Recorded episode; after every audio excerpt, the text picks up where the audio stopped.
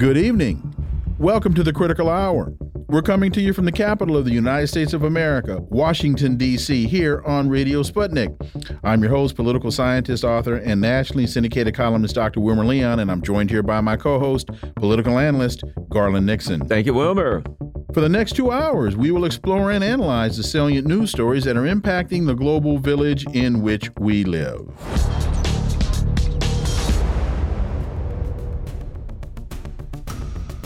Story breaking earlier today Hunter Biden indicted on federal gun charges. The indictment against the president's son comes after a plea agreement on tax and gun charges fell apart in July and amid a probe of his finances by House Republicans. For insight into this, let's turn to our first guest. He's an independent investigative journalist and author of three books The Frozen Republic, The Velvet Coup, and America's Undeclared War.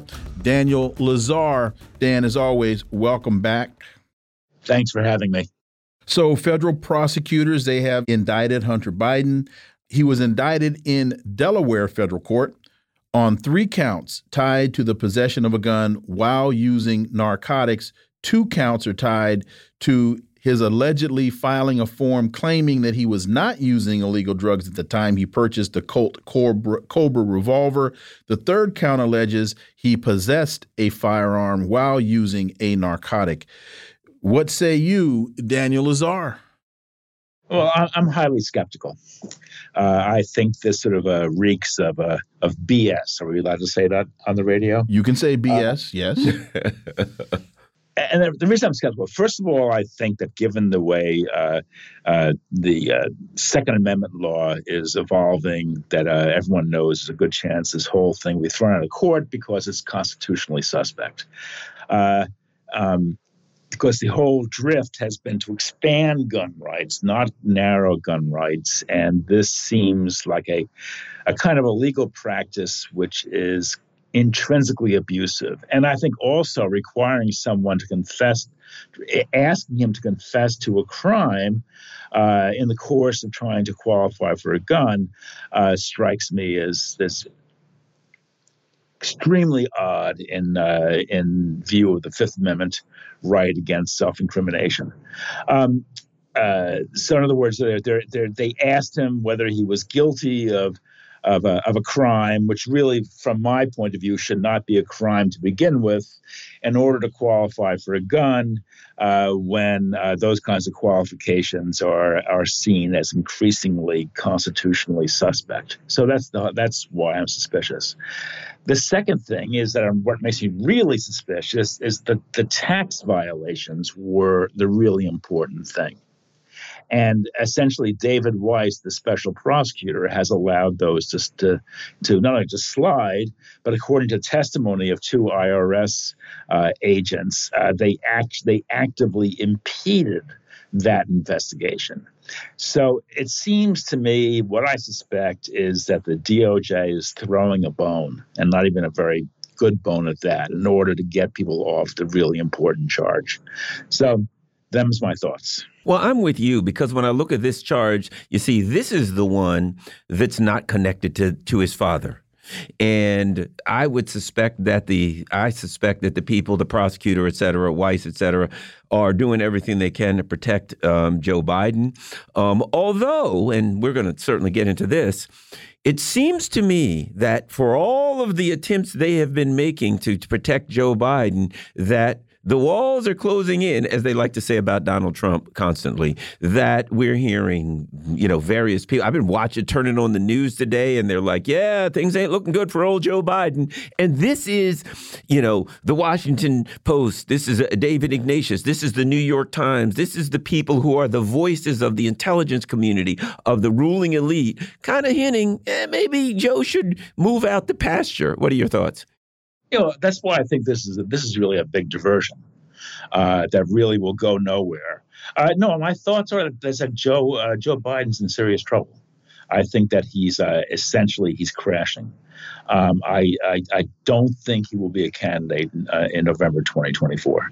Um, Uh, he is uh, clearly out of it. His age is showing. Uh, the most recent example being his claim to have been on, you know, at ground zero one day after 9/11, which was obviously false. Uh, and so, you know, so what was going through his head? What was going through his brain? Presuming he still has a brain. Uh, but um, but uh, I think the war in, in the Ukraine is going extremely badly. I don't very badly, which means that he will have presided over two military fiascos in his uh, in his first term. Uh, he is, uh, uh um, and I think that the that that Biden gate or Hunter gate uh, is very serious and is going to really hurt him. So I think it shows the the fantastic hypocrisy of the of the Democratic Party. Uh, and I think his son was running a very active, very ludicrous uh, uh, influence campaign. Uh, um, uh, I think that, uh, that, that that Joe Biden had to have known what was going on, or he's even more out of it than I thought. And we have a testimony by, by two top Burisma officials, the company that Hunter worked for, that you know that they they they they they bribed uh, both Bidens and they uh, Hunter did them the favor of getting his father to uh, to get the Ukrainian government to fire a Ukrainian prosecutor who was looking into Burisma's affairs, and that pro- that prosecutor's name was uh, Victor Shokin, and. Uh, and, and Biden claims that he, that he had him fired because he was corrupt, but the we have a testimony, a report that the FBI, with great reluctance, did release, uh, showing that the Burisma officials wanted Shokin to be fired and wanted Hunter to intervene with his father to see to it that he was fired.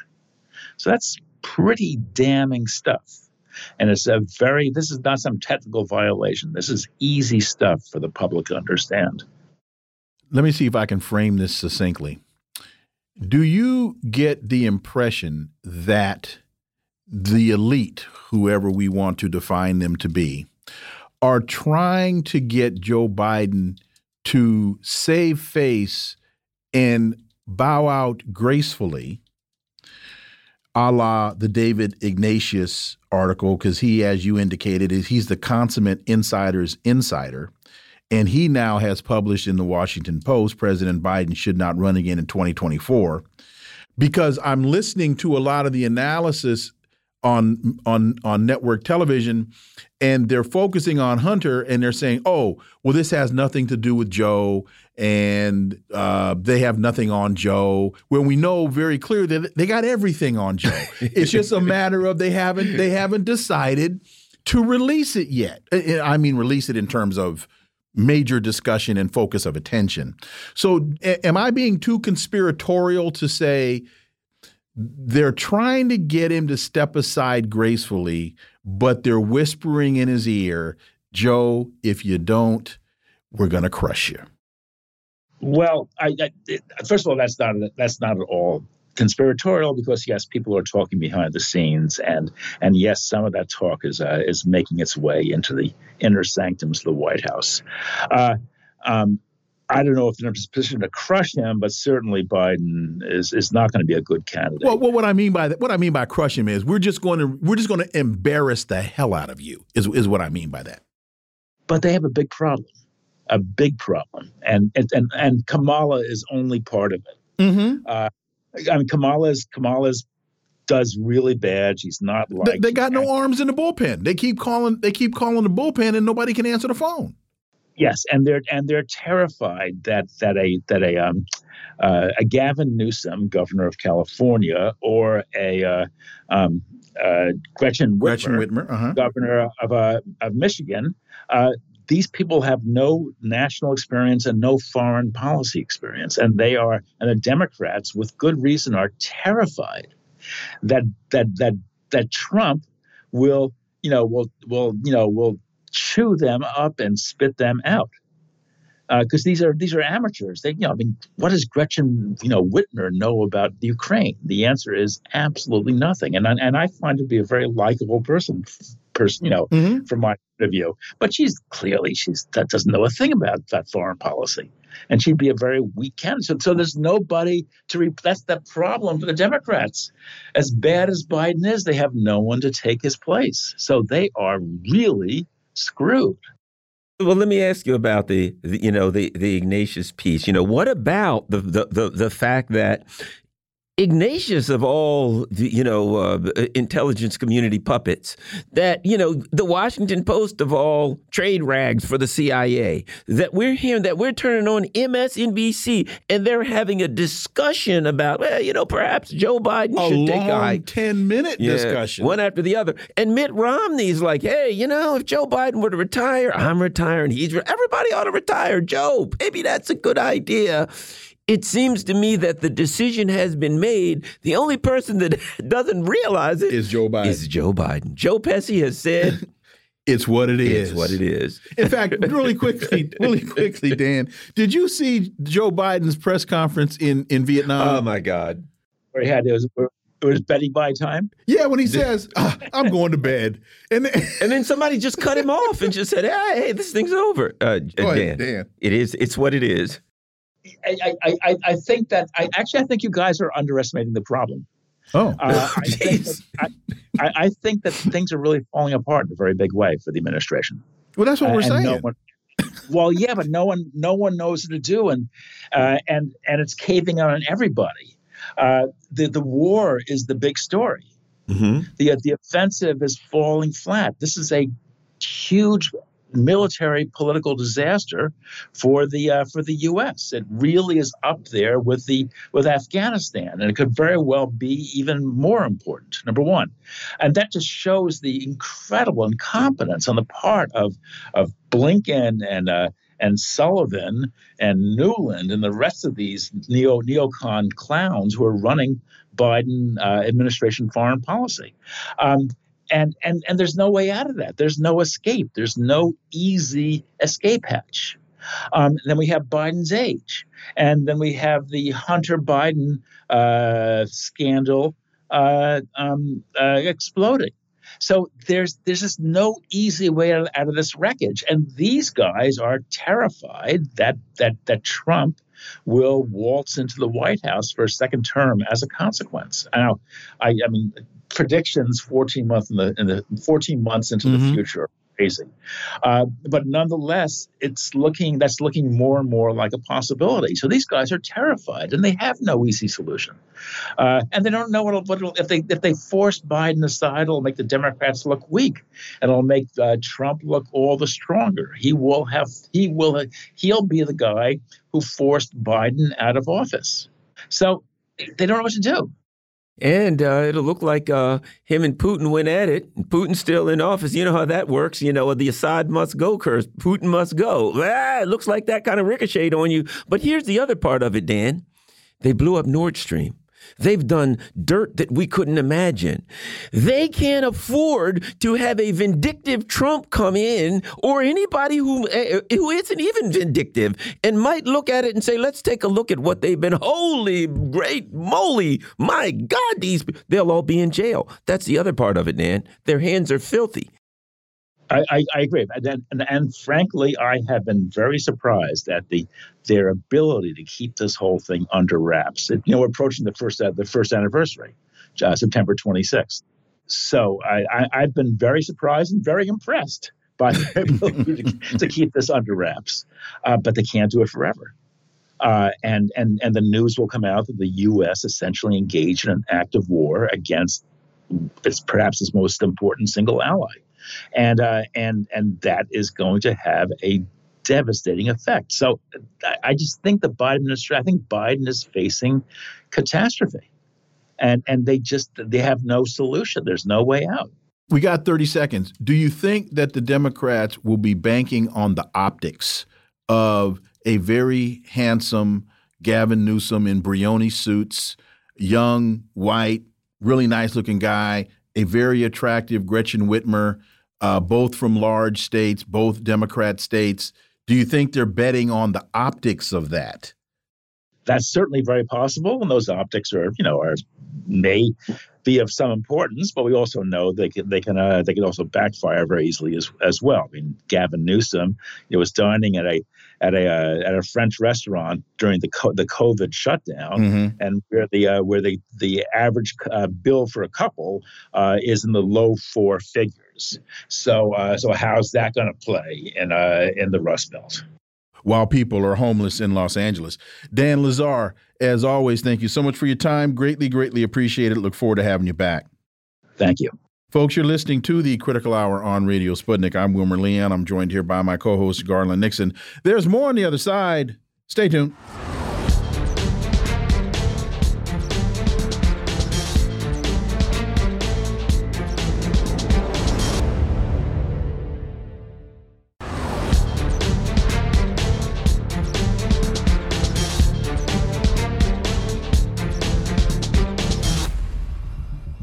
We are back, and you're listening to the Critical Hour on Radio Sputnik. I'm Wilmer Leon, joined here by my co host, Garland Nixon. Thank you, Wilmer. Sputnik International reports Putin Kim meeting major reset for Russia DPRK relations. During a meeting with Russian President Putin at the Vostochny Cosmodrome in Russia's Far East yesterday, North Korean leader Kim Jong un pledged his country's full fledged support for all decisions made by Moscow. This appears to have been a very productive meeting. For insight into this, let's turn to our next guest. He's a Moscow based international relations and security analyst, Mark Sleboda. As always, Mark, welcome back. Dr. Leon Garland, thanks for having me. It's always an honor and a pleasure to be on the critical hour. It is reported that President Putin, for his part, touted the uh, talks as very productive, adding that a very frank exchange of views took place on the situation in the region and on bilateral relations. Your thoughts, Mark Sleboda? Sure. Uh, by all accounts, uh, it was a good meeting. Um, the meeting was uh, between Putin and Kim Jong Un was held at the Vostochny Cosmodrome uh, in Russia's Far East. This is Russia's new cosmodrome for space launches. Uh, Vostochny simply means eastern. Uh, so um, it, uh, I think, to have the meeting there, I, one, I'm sure that Kim Jong Un wanted to see it. Um, he he does have, shall we say, a, a curious, perhaps even boyish uh, interest uh, in such things, uh, and I, I, I think you can actually read the fascination on uh, his his face as he was uh, touring the facility. Um, they definitely did discuss uh, Russian North Korean space cooperation, which for all intents purposes means that Russia can uh, work to put North Korean satellites for military uh, targeting uh, and civilian purposes in space. Uh, Russia also suggested that, that they could arrange for a North Korean to become the, fir- the country's first cosmonaut um, and um, take him uh, up into space. Um, so um, th- there is that there. Uh, but I, I think there was a another symbolism to their meeting at the Cosmodrome because whenever we're talking rocket technology, rocket technology is essentially synonymous with the technology needed to launch missiles. Uh, and I think that that was a very powerful symbol, in particular to South Korea and perhaps a little bit less so to the United States. Although I am sure they talked a lot about Russian humanitarian aid, they talked about how to get around the existing UN uh, Security Council uh, sanctions uh, that remain uh, on North Korea.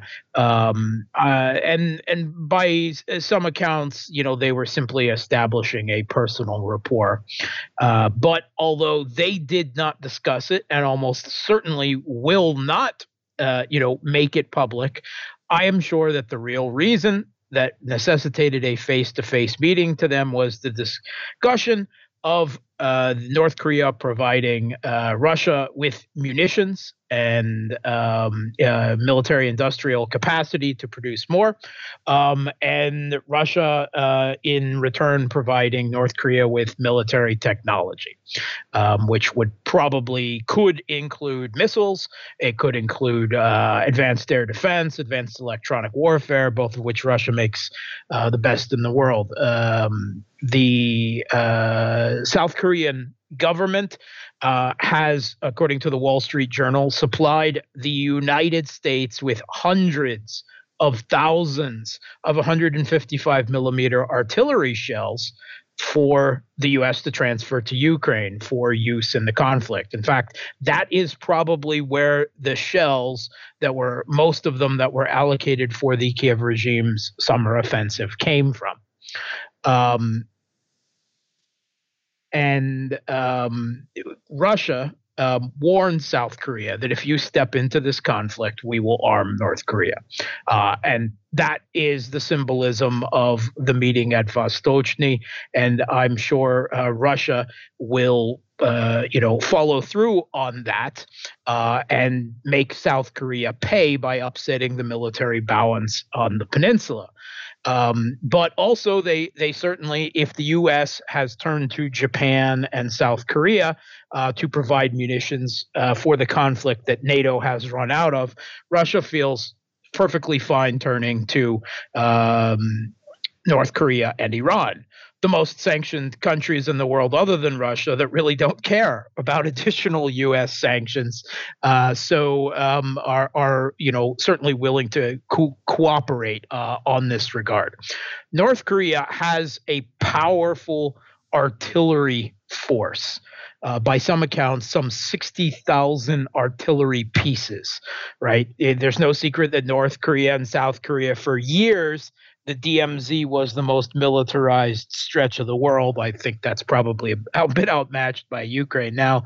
Uh, but uh, they were building up military forces, arms race on both sides for decades. And North Korea, uh, particularly focused on artillery pieces.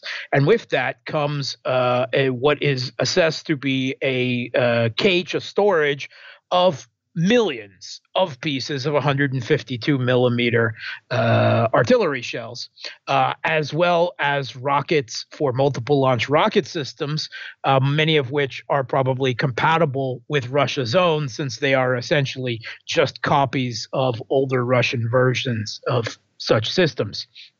So, um, Russia, I am sure, um, looking at a long conflict, um, while uh, we know that Russia has significantly ramped up its own artillery production. Um, in fact, a, a, story out by the New York Times has admitted that Russia is outproducing all of NATO seven times over. That's from the New York Times, seven times over in artillery production. But when on some days Russia is firing from 50 to 60,000 artillery shells a day, that adds up. That's 1.5 million artillery shells a month. And although Russia still has enormous Soviet legacy stockpiles to draw on, if they're looking at a long range conflict, which both Russian and US officials suggest will continue for years into the future, they are looking at securing a long term logistics for their preferred style of uh, attrition, a war of attrition, uh, artillery heavy uh, to minimize uh, their own losses in combat. And I am sure that this was the real meat of this meeting. Um, just like the South Korean U.S. artillery deal, they don't admit to it. Um, it's reported, uh, you know, by the Wall Street Journal, by others. South Korean officials deny it, you know, with the pinkies behind the back. I am sure that this will be similar, but there is nothing else to my mind that necessitated such a personal meeting, uh, first between Shoigu uh, and the North Korean leadership, and followed up a few, that laid the groundwork, and a few weeks of weeks later with Putin meeting with Kim Jong Un. Uh, I think we can rest assured to uh, you know finalize the deal. Uh, but this is a new military strategic partnership between Russia and North Korea that we have not seen before. Um, certainly not uh, in, in in any case since since the Korean War, and that I think that was perhaps even more limited. Uh, so this is a, a big event, I think, not only between Russian and DPRK relations, uh, but uh, you know it has big implications for the region. Uh, Russia has also warned about the threat of increasing U.S., Japanese, and South Korean military drills uh, that present a crisis, you know, that could reignite a crisis on the Korean Peninsula. But of course, there's also huge implications for the conflict in Ukraine as well. Another important meeting that's apparently going to happen Belarusian President Alexander Lukashenko is uh, planning on having a meeting with uh, uh, Russian President Vladimir Putin, apparently on September 15th. What do we know about that, Mark? Yeah. Okay. So, I mean, publicly, uh, the uh, schedule that they, you know, they have uh, discussing um, uh, uh, industrial projects, agriculture, um, import substitution. But let's be frank, Putin and Lukashenko do not need to meet over these issues right? Putin and Lukashenko are meeting because of the conflict in Ukraine and the wider strategic threat right now, the potential for direct NATO uh, Russian, you know, which necessitates Belarus as well, uh, military conflict. There is always the potential for that going forward uh, with the conflict in Ukraine. Uh, so um, there's probably some aftermath of the whole Wagner affair, uh, which needs to be arranged as well. Uh, but I think it is probably Russia, primarily Putin and Lukashenko, will be finalizing some agreement uh, for uh, the continuation of uh, the uh, Russian SMO, the intervention in Ukraine. There's another uh, TASS piece Kiev running out of resources. West won't change balance of power.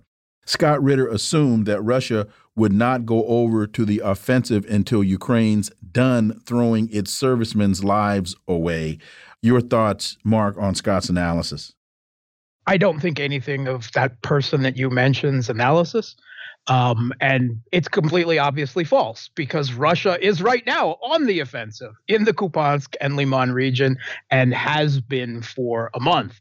Uh, right now, Russia is has been engaged for the last couple of weeks in positional battles, which means our artillery uh, softening uh, of the Kiev fortifications uh, in the suburbs Sinkova, um, uh, just to the uh, north east of Kupiansk um, and uh, is uh, uh, moving in and, and, the last couple of days has taken a number of strongholds, uh, very important. Um, in, in effect, you can say that the battle for Kupiansk, for the city itself, has already begun because there's already uh, fighting in the suburbs and Russia seeking, seeking to cut off supply lines. And the same is happening uh, further south towards Liman as well. slow but steady progress Russia is making. So Russia's already on the offensive. And uh, the New York Times has an article Russia overcomes sanctions to expand missile production. It now exceeds. So they're admitting that. Um, uh, uh, Russia's expanding their missile production, which is admitting the obvious, and they say it's leaving Ukraine especially vulnerable this winter. Eh, your thoughts on that, Mark?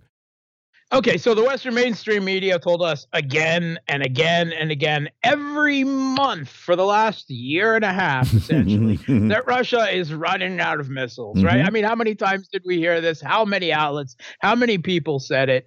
Um, of course, it was all, I mean, I assume that most of it was simply ignorance and bad analysis rather than say intentional lies, uh, which surely you know would have come back on them.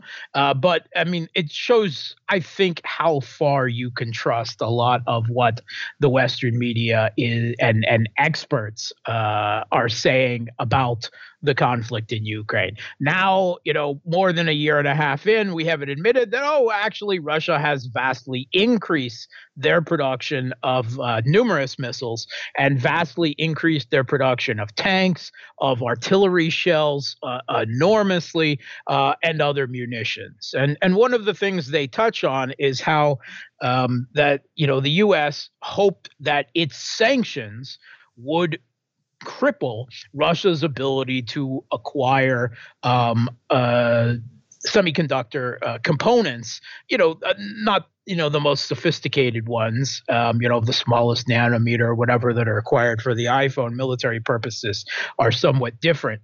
Uh, and you know, they hope that this would cripple Russia's military industry. To find out just the opposite, um, and actually, Russia imported record numbers of semiconductor chips last year for both civilian and military purposes.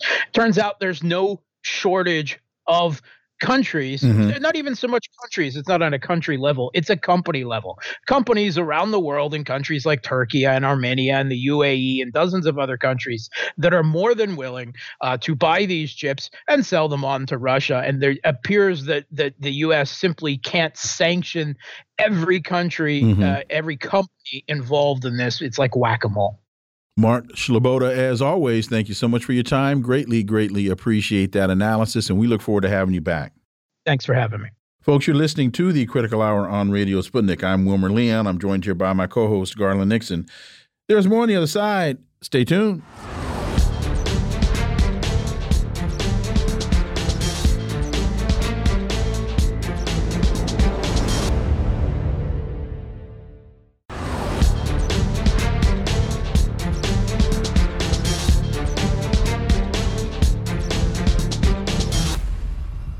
We are back, and you're listening to the Critical Hour on Radio Sputnik. I'm Wilmer Leon, joined here by my co host, Garland Nixon. Thank you, Wilmer. Ukrainian Armed Forces Speaker Sarah Ashton Cirillo said Ukraine would hunt down and kill pro Kremlin journalists in the name of God, freedom, and total liberation. That was not a good message or a good look for anyone or any issue folks, if you saw the video. For insight into this, let's turn to our next guest. She's a political commentator and podcast host, Misty Winston. As always, Misty, welcome back. Thank you so much for having me. I appreciate it. You know, Misty, I don't know who on the Ukrainian publicity team thought this was a good idea, but Sarah Ashton Cirillo looks and sounds like a raging lunatic from Crazy Town. Yes, yeah, she sure does. And in fact, when I first saw it, I know who she is, so I recognized her. But oh, as soon as I saw, as soon as I saw, I mean, she's been floating around for a little while now. She's a former uh, U.S. soldier. Actually, she's been in Ukraine for some time now. She got injured a few months ago, supposedly on the front lines or whatever, which I think was likely not the case. But when I saw this video initially, I it came up on my feed on Twitter, and I just happened to see it without any sound, and it looked like a Saturday Night Live sketch. Honestly, mm-hmm. it was it's ridiculous. But then when I actually listened to it. I mean, this, as you said, this is a. Uh, an, I don't even know. I don't know who thought this was a good idea or what purpose they thought that this would serve. But this just looks like uh, this just makes supporters of Ukraine look like insane nutbags. I mean, the idea that she is out here threatening activists and journalists, which is in direct violation of international humanitarian law, is just not a good look, as you said. Here's the other thing. You know, she's channeling her inner Blinken. That's the way I put it, because she's like going to go around the world and just threaten people. What she says is Russian propagandist. In other words, I do not care what country they're in. Uh, where are they? I don't respect the boundaries of countries or the right of any country to say, hey, the journalist in our country can report on things. No, no, no, no, no. I will come to your country. I will kill your journalist. That's Tony Blinken. That's uh, uh, Julian Assange. That's Samantha Power. Yeah. Samantha Power. You know what I'm saying? She is actually really channeling. That's what, when Tony Blinken, he usually says it nicely. You know, he has like a rainbow flag and he says, we're not here to steal your lithium but we'll kill you if you don't give it to us. She's just, you know, do, she's just leaving out the really nice part and she's just getting right to the we'll kill you part. Your thoughts? Yeah. Yes. Well, I mean, uh, listen, civilians and journalists are considered non-combatants and they're entitled to special protection in a war situation. So making death threats against civilians or journalists, uh, it, that inherently violates the principles of distinction and the protection of non-combatants. And so, and you're right, she is, uh, there is no, uh, uh there, there's no um, logic to this whatsoever. It's just, yeah, I don't care who you are or where you live, what country you are in. Uh, it doesn't matter. if you are not toeing the Ukraine line on this war, then we are going to come and we are going to murder you. I mean, it is just completely un- unhinged. Uh, she looks like a lunatic, and I uh, I don't know what they thought that this, again. I don't know what aims they thought that this was going to uh, you know reach or whatever. But this is just it makes uh, the entirety of the Ukrainian the supporter effort look really uh, bad, just really bad. I mean, the the PR nightmare that this has initiated uh, for the war is just really bad. And it's, I mean, I don't again, I don't know what she was thinking, but this I think is going to uh, th- this is going to cause some problems for them. I think for sure. I don't think Tony Blinken sees it as a night. night he's probably clapping. Man, look at that! Yeah. Oh, that's nice. I he wish I had thought it. He might have produced it. He probably wrote it. Yeah, you're right. Well, and, and, and, maybe maybe Sarah Ashton Cirillo uh, works for Mossad, since Mossad believes and the, and the Israeli Defense Forces believe they can indiscriminately kill journalists like Shireen Abu Akleh. Yeah, how about maybe, that? Maybe she works for uh, maybe she works for Mossad. White House sends letter to media organizations demanding scrutiny of Republicans and impeachment inquiry. The White House urged media outlets to ramp up their scrutiny of House Republicans for opening an impeachment inquiry of President Biden in a forceful letter sent to news organizations. It's time for the media to ramp up its scrutiny of, of House Republicans for opening an impeachment inquiry based on lies, the letter, which has been obtained by Fox News, said. I don't want to use hyperbole here, but on the spectrum, this is on one end of the spectrum of what Sarah Ashton Cirillo is doing. They're just on they're on the same line, just on different points of uh, of extreme. Misty. Yeah, for sure. And I think that this is really this is a bold strategy, con, uh, considering that the Democratic Party was just uh, you know brought to task and exposed for having uh, you know made these kinds of requests to social media companies and to media, uh, uh, media companies. Uh, they managed to get the Hunter Biden laptop story completely silenced right before an election, and so the idea that they are publicly asking media outlets to uh, do something that works in their favor is a fascinating strategy. I don't know what they think that this is going to do for them as far as public opinion goes, because this just, in my opinion, makes them look terrible. And again, the idea that they are, uh, uh, you know, kind of this is narrative management. This is just out in your face, um, bold, very. Uh, they're not hiding it at all. This is just direct narrative management. This is spin. This is uh, full on propaganda. And so, uh, I mean, this is a really bad look too. And you're right. This is kind of on that same spectrum. Obviously, it's not as bad as uh, Ashton Cirillo threatening to murder people for having a difference of opinion on the uh, Ukraine-Russia conflict. But this is on that spectrum. This does go uh, along that same line in uh, asking people to cover things in a certain way, to uh, you know dig up information on House Republicans for opening an impeachment inquiry. Um, you know, and it's uh, it's it's fascinating to me because this is the same party that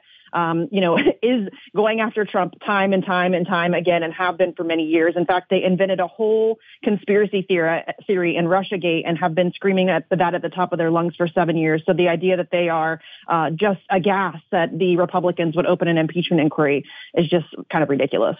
You know, this also aligns with the whole Hunter Biden laptop thing. They're sending yeah. the media out. Uh, they're sending a letter out to the media saying, "Look, you know, they, there's stuff coming that's going to make us look bad, and we expect you to suppress it, right?"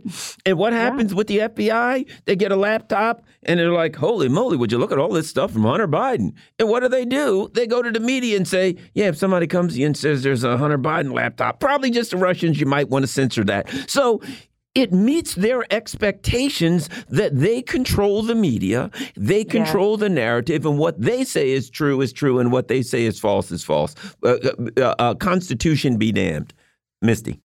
Yeah, 100%. And I think that that's, that's what I think is so striking about this is because as you just said, it really does highlight the fact that they are under the assumption and correctly so that they can do this, that they control the media, that they can make these kinds of requests. And not only that they can they make these kinds of requests, but that the media will comply. I think that they have seen that they have they have that kind of power and control. It's not just the Hunter Biden laptop story. It's things that we've seen time and time again. WikiLeaks revealed uh, in the 2015, 2016 uh, releases that there are dozens of mainstream media uh, personalities who were going to off the record dinner parties with the Clinton campaign. Glenn Thrush, very famously uh, in the WikiLeaks releases, was sending articles to the Clinton campaign for approval before uh, publishing them. And he even said in one of the emails, I realize this makes me a hack, but if you want to check this out and uh, and give it approval before I publish it, I mean, this is the kind of power and control uh, that they have over the media. And I think that that's uh, what you just said is exactly right. This just highlights that they have that expectation of narrative control, and they're not wrong. Ian Sams, a special assistant to the president, writes uh, After nearly nine months of investigating, House Republicans haven't been able to turn up any evidence on the president doing anything wrong. Nothing. It's pure as the driven snow, Wilmer. Well, and well, we got to we got to let Misty finish laughing oh. because yeah, she's laughing.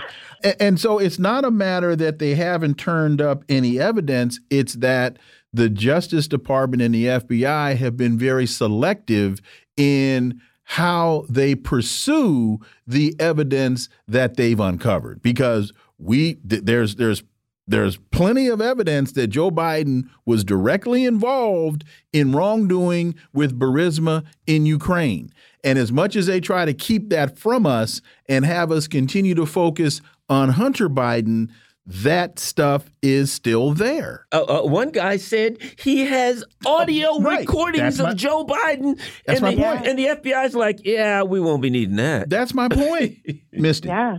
Yeah, no, you're absolutely right. The idea that they're trying to claim that there's no evidence of anything improper is just ridiculous. There is an abundance of evidence. And what you just said is correct. That, that what really is the case is uh, what evidence are they choosing to ignore? Because that's what's happening here. What evidence are they choosing to suppress? What evidence are they choosing to distract us away from by focusing on, you know, just Hunter Biden? Because that's very easy to do. And it takes, uh, as, you know, as directly linked as he is to Joe Biden, it does take some of the pressure and some of the focus off of Joe Biden if they're able to just make it a Hunter Biden issue. But there is an abundance of evidence for all kinds of corruption and impropriety. So the idea that they are trying to proclaim that there's just, oh, they don't have anything. Of course they do. It is absurd. Uh, am I, uh, am I uh, uh, going to pretend that this isn't obviously politically motivated? Of course it is. But that's what happens. I mean, uh, Democrats really have no room to talk on that front. They've been going after Trump time and time again. So, I mean, this is really uh, fair play. And frankly, this just speaks to a monumental need for truly independent and free media because that is the only way we're ever going to get any actual legitimate substantive coverage on these kinds of things. We cannot trust our mainstream media with these issues. I have to push back on both of you. Joe Biden has not been involved in any wrongdoing from the perspective of the people on K Street. But look, I mean, yeah. if you say, well, what did he do? Well, influence peddling, bribery, extortion, they'd say, well, nothing wrong with that. That's just a normal Tuesday for all of us. Wrongdoing, okay, maybe, but he didn't, he's accused of wrongdoing, but all of those things, that's how we make our money. In reality, in reality, that's how they make their money. That ain't wrongdoing to them. No, that's a fair point. Fair play. I mean, it, you're absolutely right. It's just, uh, uh, I think, again, that just speaks to the uh, really disgusting political environment that we find ourselves in.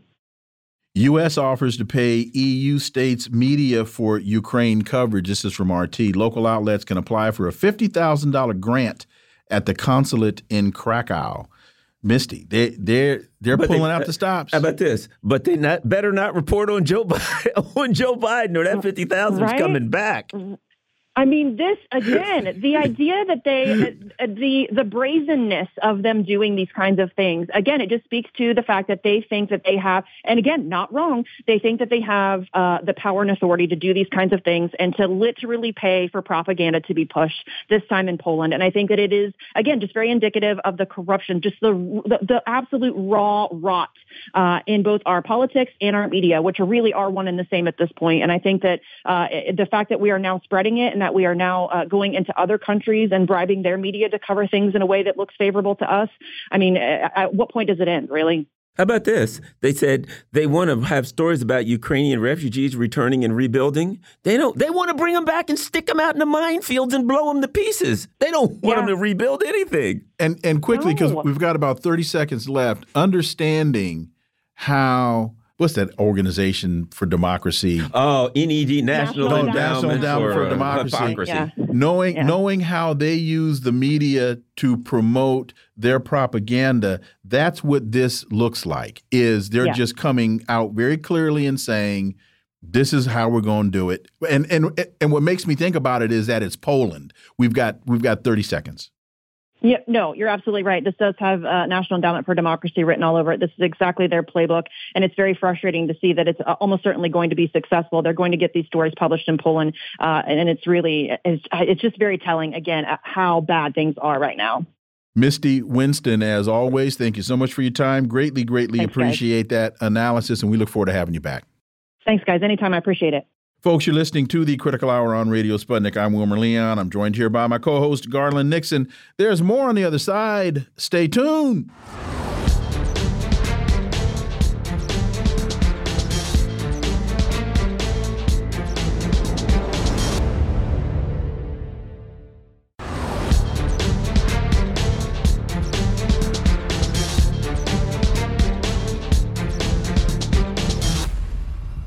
We are back, and you're listening to the Critical Hour on Radio Sputnik. I'm Wilmer Leon, joined here by my co host, Garland Nixon. Thank you, Wilmer. Sputnik International reports Putin Kim meeting major reset for Russia DPRK relations. During a meeting with Russian President Putin at the Vostochny Cosmodrome in Russia's Far East, Yesterday, North Korean leader Kim Jong un pledged his country's full fledged support for all decisions made by Moscow. For insight into this, let's turn to our next guest. He's a peace activist, writer, teacher, and political analyst, KJ Noh. As always, KJ, welcome back. Thank you. Pleasure to be with you. So, uh, both sides seem to be reporting out that from both of their perspectives that this was a very very productive meeting and this whole thing kind of takes me back to a piece I wrote a while ago the non-aligned nations realign and because what I see here is Russia and North Korea, Russia and China, a whole lot of countries are mm-hmm. forging or improving their detente and relationships in response to threats from the United States. KJ, no. You're absolutely correct. It is the non aligned nations realigning under pressure from the United States, which is threatening all of them. So they're simply clicking together like magnets. And very soon, you know, there will be an immovable force. And the U.S. has only itself to blame, for example, for accelerating relations between North Korea and Russia. I mean, of course, Russia and North Korea historically have always had uh, good relations. Remember, uh, the USSR, the Soviet Red Army, liberated Korea from the Japanese. They liberated them. And so that is a long and enduring historical and political relationship. But in the current moment, uh, you know, Russia had actually uh, acceded to demands for sanctions on North Korea. I think those will largely be dialed back as this, uh, you know, as this relationship moves forward.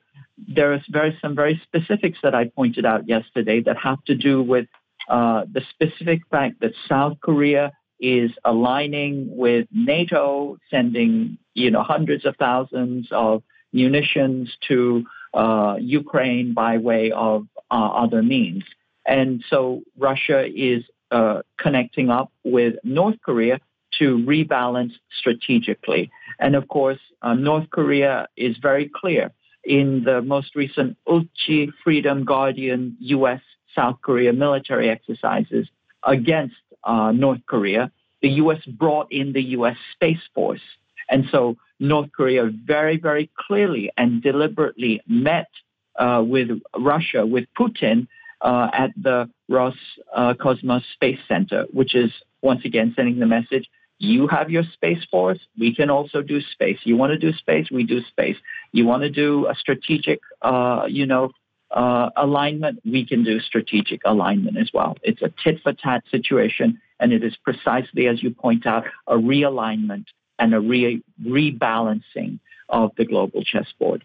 Well, the other thing that I think I look at here, the U.S. in order to, you know, uh, in order to instigate conflict, has to, you know, go seven thousand miles across the the globe to to China's border. They have to go to, you know, they have to try to get Vietnam or other countries who are reticent to join them in some, you know, ill-fated uh, uh, uh, uh alignment um, against uh, Russia and China. However, Russia and China both have a borders with North Korea and B borders with each other. So you're having looking at countries that don't even have supply lines. They are all connected. So Russia doesn't have to send an emissary to go looking around Eurasia. These countries are all connected and they're simply taking advantage of their connectedness, their physical connectedness, I think, and and and putting themselves in a in what I consider a defensive position. Your thoughts? Yes, exactly. I mean, they're simply neighbors getting together. They're neighbors, you know, uh, linking arms. You know, there's that direct proximity and even propinquity that they have with each other. And so, of course, they're going to rally against each other when they are being encircled, as you point out, 7,200 miles uh, from a, you know, from a, you know, an opponent which is traveling 7,200 miles to encircle them. So, of course, this is a no-brainer. And the other thing that the United States needs to understand, if it hasn't already, is the tyranny of distance and the logistic uh, difficulties that that creates. The U.S. cannot win this war uh, that it wants to escalate against China, but at the same time, it thinks nothing of continuing to escalate and continuing to provoke. And that, once again, I'm sorry to be so repetitive, speaks to the lack of sanity in the ruling imperial class. And just to follow up to that point that you just made, uh, KJ, when you look at a map of the region, when and, and when you look at Japan, to Garland's point about the common borders, you know, Russia, China, and North Korea, based upon geopolitically where they are located, and then you look at South Korea and Japan, if conflict breaks out, Japan and South Korea are in a real, real difficult spot. So I would almost say indefensible. So one just has to wonder are they betting on the fact that Russia and China and now North Korea won't respond? And if so, that's a pretty bad bet. Are they betting that if China, North Korea, and Russia do respond, that the United States is going to protect them? that's probably a pretty bad bet. I don't I don't see where the upside is for them if a conflict were to break out. Is this hyperbole on my part, KJ? Am I am I drunk? What what, what's going on? Well, I may be drunk, but go ahead. you know, uh, uh, I, I think that Japan and South Korea simply are following U.S. bidding. They're captured states, they're quisling uh, allies, and they're simply doing what the U.S. tells them to do. And they're essentially sacrifice zones. They will be sacrificed as pawns, just as Ukraine is but, being but, but KJ, self self preservation is the very first instinct in the human mind. Uh, you're absolutely correct. Uh, self preservation and self preservation should be you know, the first instinct of a state, or at least, uh, you know, it, its people. But we know that once again, we have captured uh, leadership, uh, a captured state. Uh, and the other piece of this is I simply don't think that they are uh, thinking clearly. I mean, these are people who like, you know, it's like a beginning chess player who doesn't understand that the other party has counter moves mm-hmm. and strong counter moves. And simply the fact that uh, you know, South Korea thought. Wait a minute, and will use and will use them, and that's where I think a lot of the so-called analysis of the West is failing. Is that they know that Russia, China, and North Korea have counter moves. I don't think they believe up, up until now that they would be used. I think you're absolutely correct. I mean, for example, in the case of China, China has simply endured, endured, endured all of these assaults on its economy, on its technology, on its, uh, you know, uh, information warfare, you know, to its, uh, you know, to its uh, legitimacy. And it simply just kind of tried to calm the waters for the most part. It's very rare that it has, you know, fired back. And most recently in the chip war, it had started to, you know, talk about restricting some uh, gallium and germanium. But it's been very, very calm. It's a little bit like, I don't know if you remember Muhammad Ali, you know, just, you know, just doing rope-a-dope. Rope-a-dope, um, absolutely. Yeah. Yeah. So, I mean, it's, it's kind of that strategy. And uh, I think the U.S. is um, misreading that. It think that it thinks that they have you know Muhammad Ali on on the ropes. You know that's not the case. You know something else is happening. Here's an important story, I think. Beijing's top political advisor picked to lead Taiwan reunification group, stresses fight against separatist forces. The fact that they have a Taiwan reunification group, that they're coming out uh, saying this is what we have, shows that I, I, don't think it's just a Taiwan reunification group. Also, I think it is they're going to have a um, a, a, a, transparent strategy to combat the United States trying to turn Taiwan into cannon fodder. Your thoughts? I think you're absolutely correct. Yes, they're making it very clear, and electoral season is coming up, that you can have good relations with China, uh, and that there is a you know structured plan for improvement uh, for Taiwan.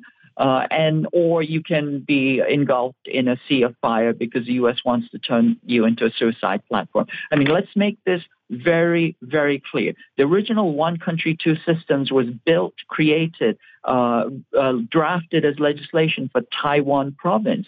And uh, China has advanced uh, the idea of peaceful reunification uh, to Taiwan Island since the 1950s. You know, Zhou Enlai said you know that you know we will uh, reunite by peaceful means. Mao said that you know once uh, there is peaceful reunification, you know that Taiwan would have a political uh, autonomy, including its own military. Deng, uh, you know, Deng, you know, uh, reinforced that. Uh, every single Chinese leader has reinforced, you know, and retendered the arm uh, the hand of peaceful re- reunification. And it is the U.S. and the quisling DPP that has slapped that hand back, uh, you know, with aggression and, and wants to lock themselves into this armed spiral. They want to turn themselves into armed madhouse.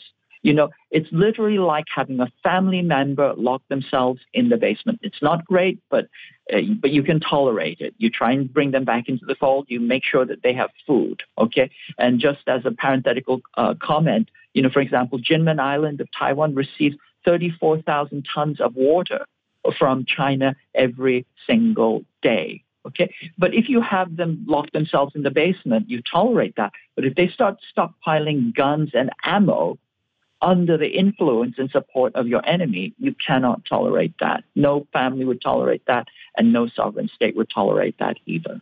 Or if you mess with my stereo equipment, it's in the basement. That's another story.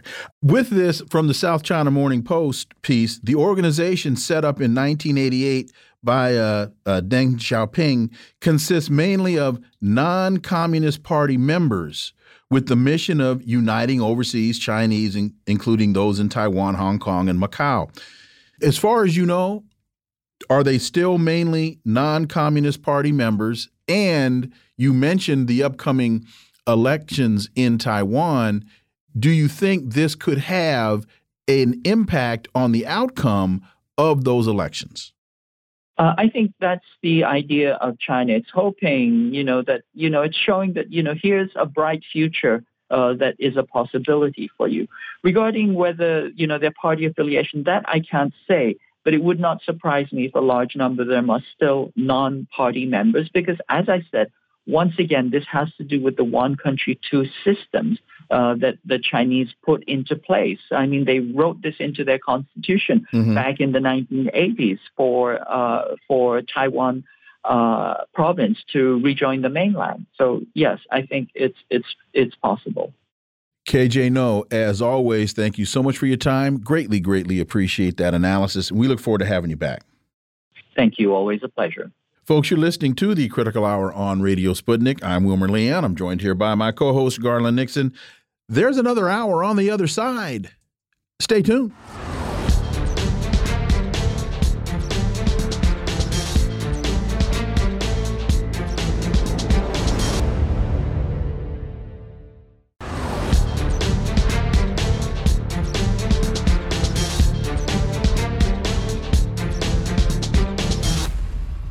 We are back, and you're listening to the Critical Hour on Radio Sputnik. I'm Wilmer Leon, joined here by my co host, Garland Nixon. Thank you, Wilmer. Times of Israel reports Iran U.S. prisoner swap for billions reveals familiar limits of diplomacy between foes. Move harkens back to 1981 exchange of cash for Americans held in Tehran embassy. Simmering tensions between nations ratchet up consequences should contacts fail. For insight into this, we turn to our next guest. He's an award winning broadcaster, journalist, political analyst based in Beirut, Lebanon, Laith Marouf. As always, Laith, welcome back. Thank you for having me. So the Times continues American captives could be exchanged for billions of dollars of frozen Iranian assets, even as critics back in Washington warn against dealing with Tehran. The upcoming prisoner swap between Iran and the U.S. follows the same contours that the countries have been tracing since the resolution of the 1979 U.S. Embassy takeover and hostage crisis. There are a couple of, I think, very key elements that the Times seems unwilling to want to discuss, Laith. One is that the United States, when it when they talk about the upcoming prisoner swap follows the same contours, that's because the United States has been traveling or traversing the same path. The United States overthrew the democratically elected prime minister in Iran in 1952 or 53. The United States started this fight. And what Iran has been doing now is they're just trying to get the money back that the United States stole from them. So that seems to be missing in this analysis, Laith Marouf. Yeah, and it's a very disingenuous article. Of course, it is uh, trying to muddy the water as much as it can. Uh, clearly, it doesn't mention anywhere even the uh, fact that Iran will be receiving its own um, uh, citizens that are prisoners in the United States. Um, and it's the same number of prisoners that are being exchanged. And this is actually what needs to be pointed out the uh, uh, the fact that Iran was able to get back some of the money that the United States looted uh, through these sanctions is separate from the exchange of prisoners. The the Iranian negotiators made sure that before the United States is uh, able to negotiate on exchanges of prisoners, that it had to show that it's beginning to uh, abide by international law and respect the sovereignty of Iran and return some of its looted money. So the looted money being returned is the first step to the actual exchange happening because Iran doesn't trust the United States even on an exchange of hostages uh, or prisoners, as we see here. And, and this is what uh, is a success for Iran but ultimately, I would like to caution everybody the United States is still going to be acting like a pirate. Uh, just last week, it uh, you know pirated an Iranian ship full of uh, oil, and it will continue to do so. So even these uh, billions of dollars that Iran is going to get back, you know, uh, the United States is going to loot it some other way.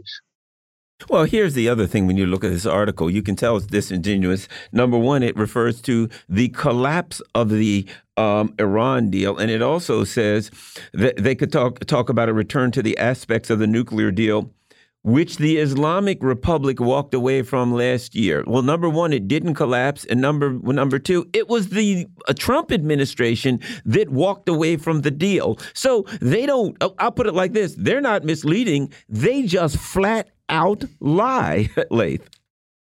Yeah, and that's an as you know uh, an aspect of Zionism. Anybody who's a Zionist, you got to expect them to tell ten lies to one truth, and uh, this is why the Times of Israel uh, you, you, know, people should read it to know what the Zionists are saying, but there should be always, uh, especially opinion pieces like this, should be taken with a grain of salt. Uh, ultimately, the United States and Israel both do not want peace with Iran. Uh, what they are doing, even with this exchange of prisoners or the return of some of the money that's been looted from Iran, is just a delay of time, uh, similar to what they did with the uh, Ukraine situation between the Minsk agreement and the beginning of that war. All the negotiations that the West was doing with Russia was to uh, buy some time for the Americans and their allies to build uh, up uh, their military positions for a war to start. And this is what's been happening with Iran for a long time. All the negotiations that the United States does is with that perspective. Mondoweiss has a very interesting piece 30 years after the Oslo Accords facing a reality of apartheid. After 30 years of Oslo, the, the only remaining alternative to apartheid is one dramatic state with equal national and civil rights, including the right of self determination for the Palestinian people. Laith Marouf. Yeah, well, look, uh, the occupation of the West Bank, uh, and Gaza, and East Jerusalem started in 1967. Um, and, uh, you know, the Oslo Agreement was in 1992.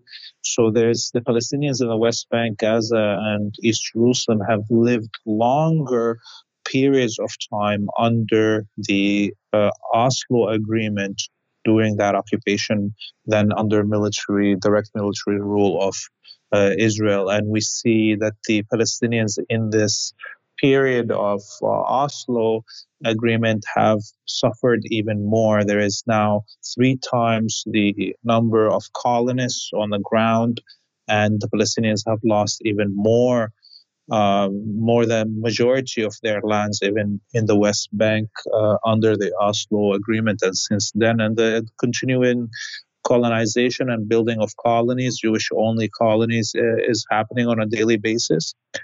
Uh, and as we see uh, now, the settlers, the colonists, have are sold that they can go marood uh, in Palestinian villages uh, with gangs you know, lynching Palestinians and burning homes and expelling whole villages uh, in front of the world now in 2023 after the Oslo Agreement. The, the Israelis uh, were not, you know, that bold uh, doing the first and second Intifada, and look at what's happening now. You know, uh, again, in the same way that we talked about, um, I guess, in a way, comparing what's going on between the U.S. and Iran to the the the, the infamous Minsk Accords now, where you know the U.S. and uh, uh, excuse me, it's the U.S.'s vassals made this so-called deal with Russia and Ukraine, and eventually they admitted, ah, we only did that so we could, you know, sharpen up the give us time to sharpen up the old knife to put to Russia's throat, right? The Oslo Accords, etc. You look at the U.S. and you say, how could anyone make a deal with these people now? Every instance you see where they make a deal that is allegedly for peace or allegedly brokering a deal with people, when you look at it in the long term, it was always a fraud. When you look at it in the long term, it was always just to buy some time so they could, you know, do something worse than they were doing before. Your thoughts? Yeah, well, I mean, anyone in the world should look at the history of the United States treaties with indigenous nations to understand that this is the norm for the United States. The United States have broken every treaty it signed with any adversary or competitor in its whole history. It's never who stood for uh, you know um, these treaties that it signed. So anyone that uh, thinks that they can sign some on paper with the United States a deal uh, that it will keep that, uh, you know, is delusional or thinks that they're special somehow, that they'll get that, that treatment uh, that nobody else in history of the United States got. And here's the Palestinians uh, right now uh, coming to an end of this uh, fallacy of Oslo. We see, you know, Abbas, uh, the puppet uh, PA authority, um, you know, leader on his deathbed. Uh, the whole structure is collapsing. That the West has built to you know these reservations for Palestinians in the in the West Bank, and uh, we were seeing finally a return to full military um, struggle on the ground for liberation in the West Bank, and that's the only way forward. And you know, you mentioned a number that that, that the United States has broken every agreement that it signed. Uh, we can go into Zimbabwe, and we can look at the agreement that was signed uh, between President Mugabe and Margaret Thatcher to return land to the uh, indigenous Zimbabweans. That agreement was backed by the United States. And when she withdrew from that, Mugabe turned to Ronald Reagan. And Reagan said, No, I'm not. I'm not backing that deal. And we can look at the Minsk Accords. And even though the United States was not a direct party to the Minsk Accords, it was involved in that process, and it was involved uh, in the in the in the in the rouge or the the fake out with that being said, I wanted to quickly read from this article in, in Mondo Mondoweiss. After years of displacement and struggle, Palestinians expected that the Oslo Accords would bring an end to the Israeli military occupation of the West Bank. The Palestinians leading the Oslo negotiations thought they were impressing the world with their eagerness to compromise by making a massive concession and accepting the establishment of a state on only 22% of historic Palestine. Speak to that if you would please, Laith. And was this just they got faked out? Were they in over their heads? Was it was it never the intention of the Zionists to negotiate in good faith in the first place? All of the above, Laith Marouf. Well, definitely, the Israelis never had the intention of, uh, you know, returning any of the land and uh, it, it is exactly what the, the, United States did with indigenous populations. But uh, the leadership of the Palestinian people, intellectuals, all knew that this was a another bad deal, and most of uh, them stood against it. Arafat uh, was in a very bad situation. The collapse of the Soviet Union had happened. The war uh, of Kuwait and Iraq uh, led to the expulsion of uh, 2 million Palestinians from the Gulf region because Arafat stood with uh, Saddam against the United States as a punishment to him. And well, he was, you know, there was multiple assassination attempts on his life. A few months before the Oslo agreement, even his uh, uh, helicopter was shot down in Sudan. So he was a cornered man that had no other choice but to agree to an, uh, the Oslo deal in order to return to uh, the West Bank and attempt to rise, raise his people out of it. And of course, uh, it was a mistake that he did that. But look, even with that mistake, with him making a deal with the Zionists, the Zionists poisoned him with plutonium and killed him and assassinated Arafat for not signing away all the rights of the Palestinians. signing away just a, a part of the rights of the Palestinians was not enough for the Zionist uh, thirst Laith Marouf, as always, thank you so much for your time. Greatly, greatly appreciate that analysis, and we look forward to having you back. You have a great evening. Folks, you are listening to the Critical Hour on Radio Sputnik. I'm Wilmer Leon. I'm joined here by my co host, Garland Nixon. There's more on the other side. Stay tuned.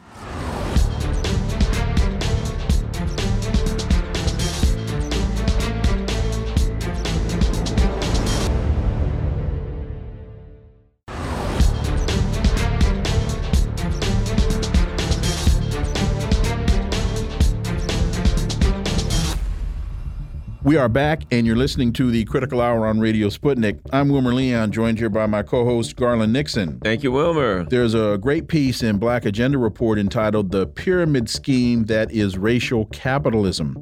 It opens on January 26th. A lone white gunman, 21 year old Ryan Christopher uh, Palmeter, fired 11 rounds from his semi automatic weapon into the windshield of a car parked outside a Jacksonville Dollar General, killing the African American driver. Then he walked into the discount store and fatally shot two more African Americans before turning the gun on himself.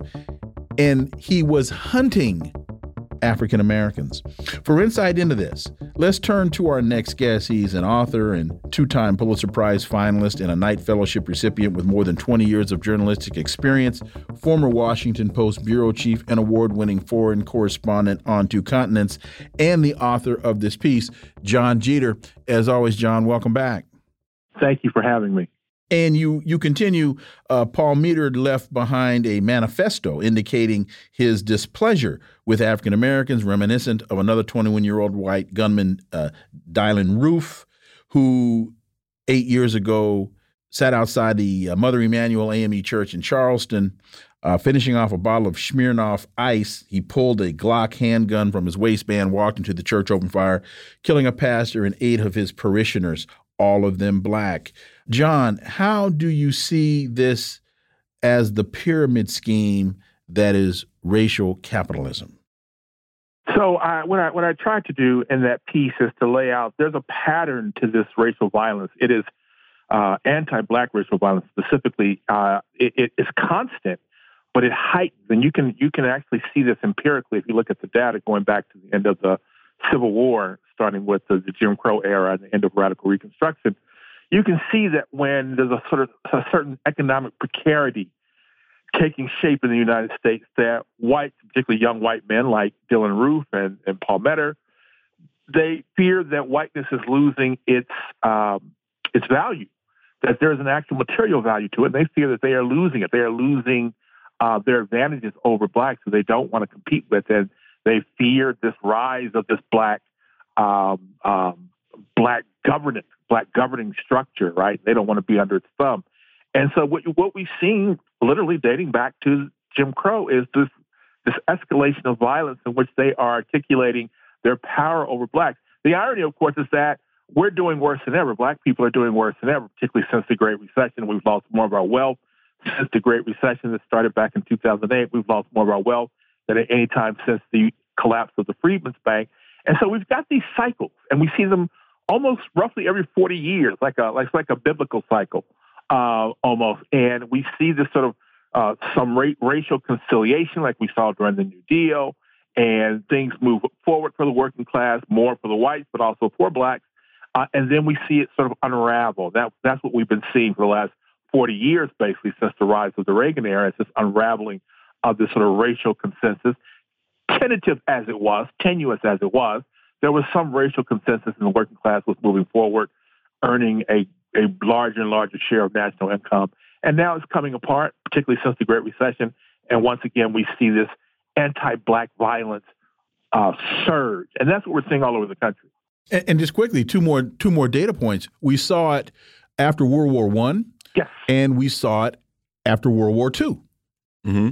One of the things I think that's interesting, you say Wells Fargo bankers testified that they peddled ghetto loans targeting mud people. This also makes me uh, reminds me of if you remember in uh, where Michael Brown was, the town where Michael Brown was, um, down in Florida. No, in, oh, uh, oh, oh, oh Ferguson. in Ferguson, Ferguson Missouri. What they found was that the way that um, town was financing itself was going into the poor black communities and fining them and writing them tickets and getting all this money from the poor, yeah. poor black communities. Then I look at France, who is staying rich off West Africa. It's all the same pattern of targeting uh, capitalism, targeting people who are black people who are already oppressed to you know, in a parasitical uh, relationship. And they're doing it in Haiti as we speak. Haiti, there we go. Uh, John. Yeah, it, it, it's almost, I mean, it really it's not an exaggeration to say wherever you see black people living alongside or, or near white people, you'll see this kind of exploitation. Here in the United States, I mean, I, I don't think it's a stretch. I wrote this in the piece, and I don't think it's an exaggeration. I don't think it's hyperbole to say that, uh, for the most part, generally speaking, white Americans see black Americans as 48 million ATM machines. That's what they do. They extract wealth from our communities one way or another, whether or not the principal commodity is uh, cotton or cars, or now, as we've seen with credit, one way or another, that money is coming from us and it's funneled upwards. Now, most of that money is captured at the, at the very top, the top 1%, really the top one tenth of 1%, but it all flows up, you know, and to white people and even other communities as well, right? That's what we see now with uh, Latinos, not all of them, but many Latino communities, as we saw in uh, L.A. last year with the city council president, a Latina woman and her Latina comrades uh, talking about uh, Latino comrades talking about how to uh, keep to redistrict uh, uh, Los Angeles in a way to keep Black Power down, to suppress Black Power.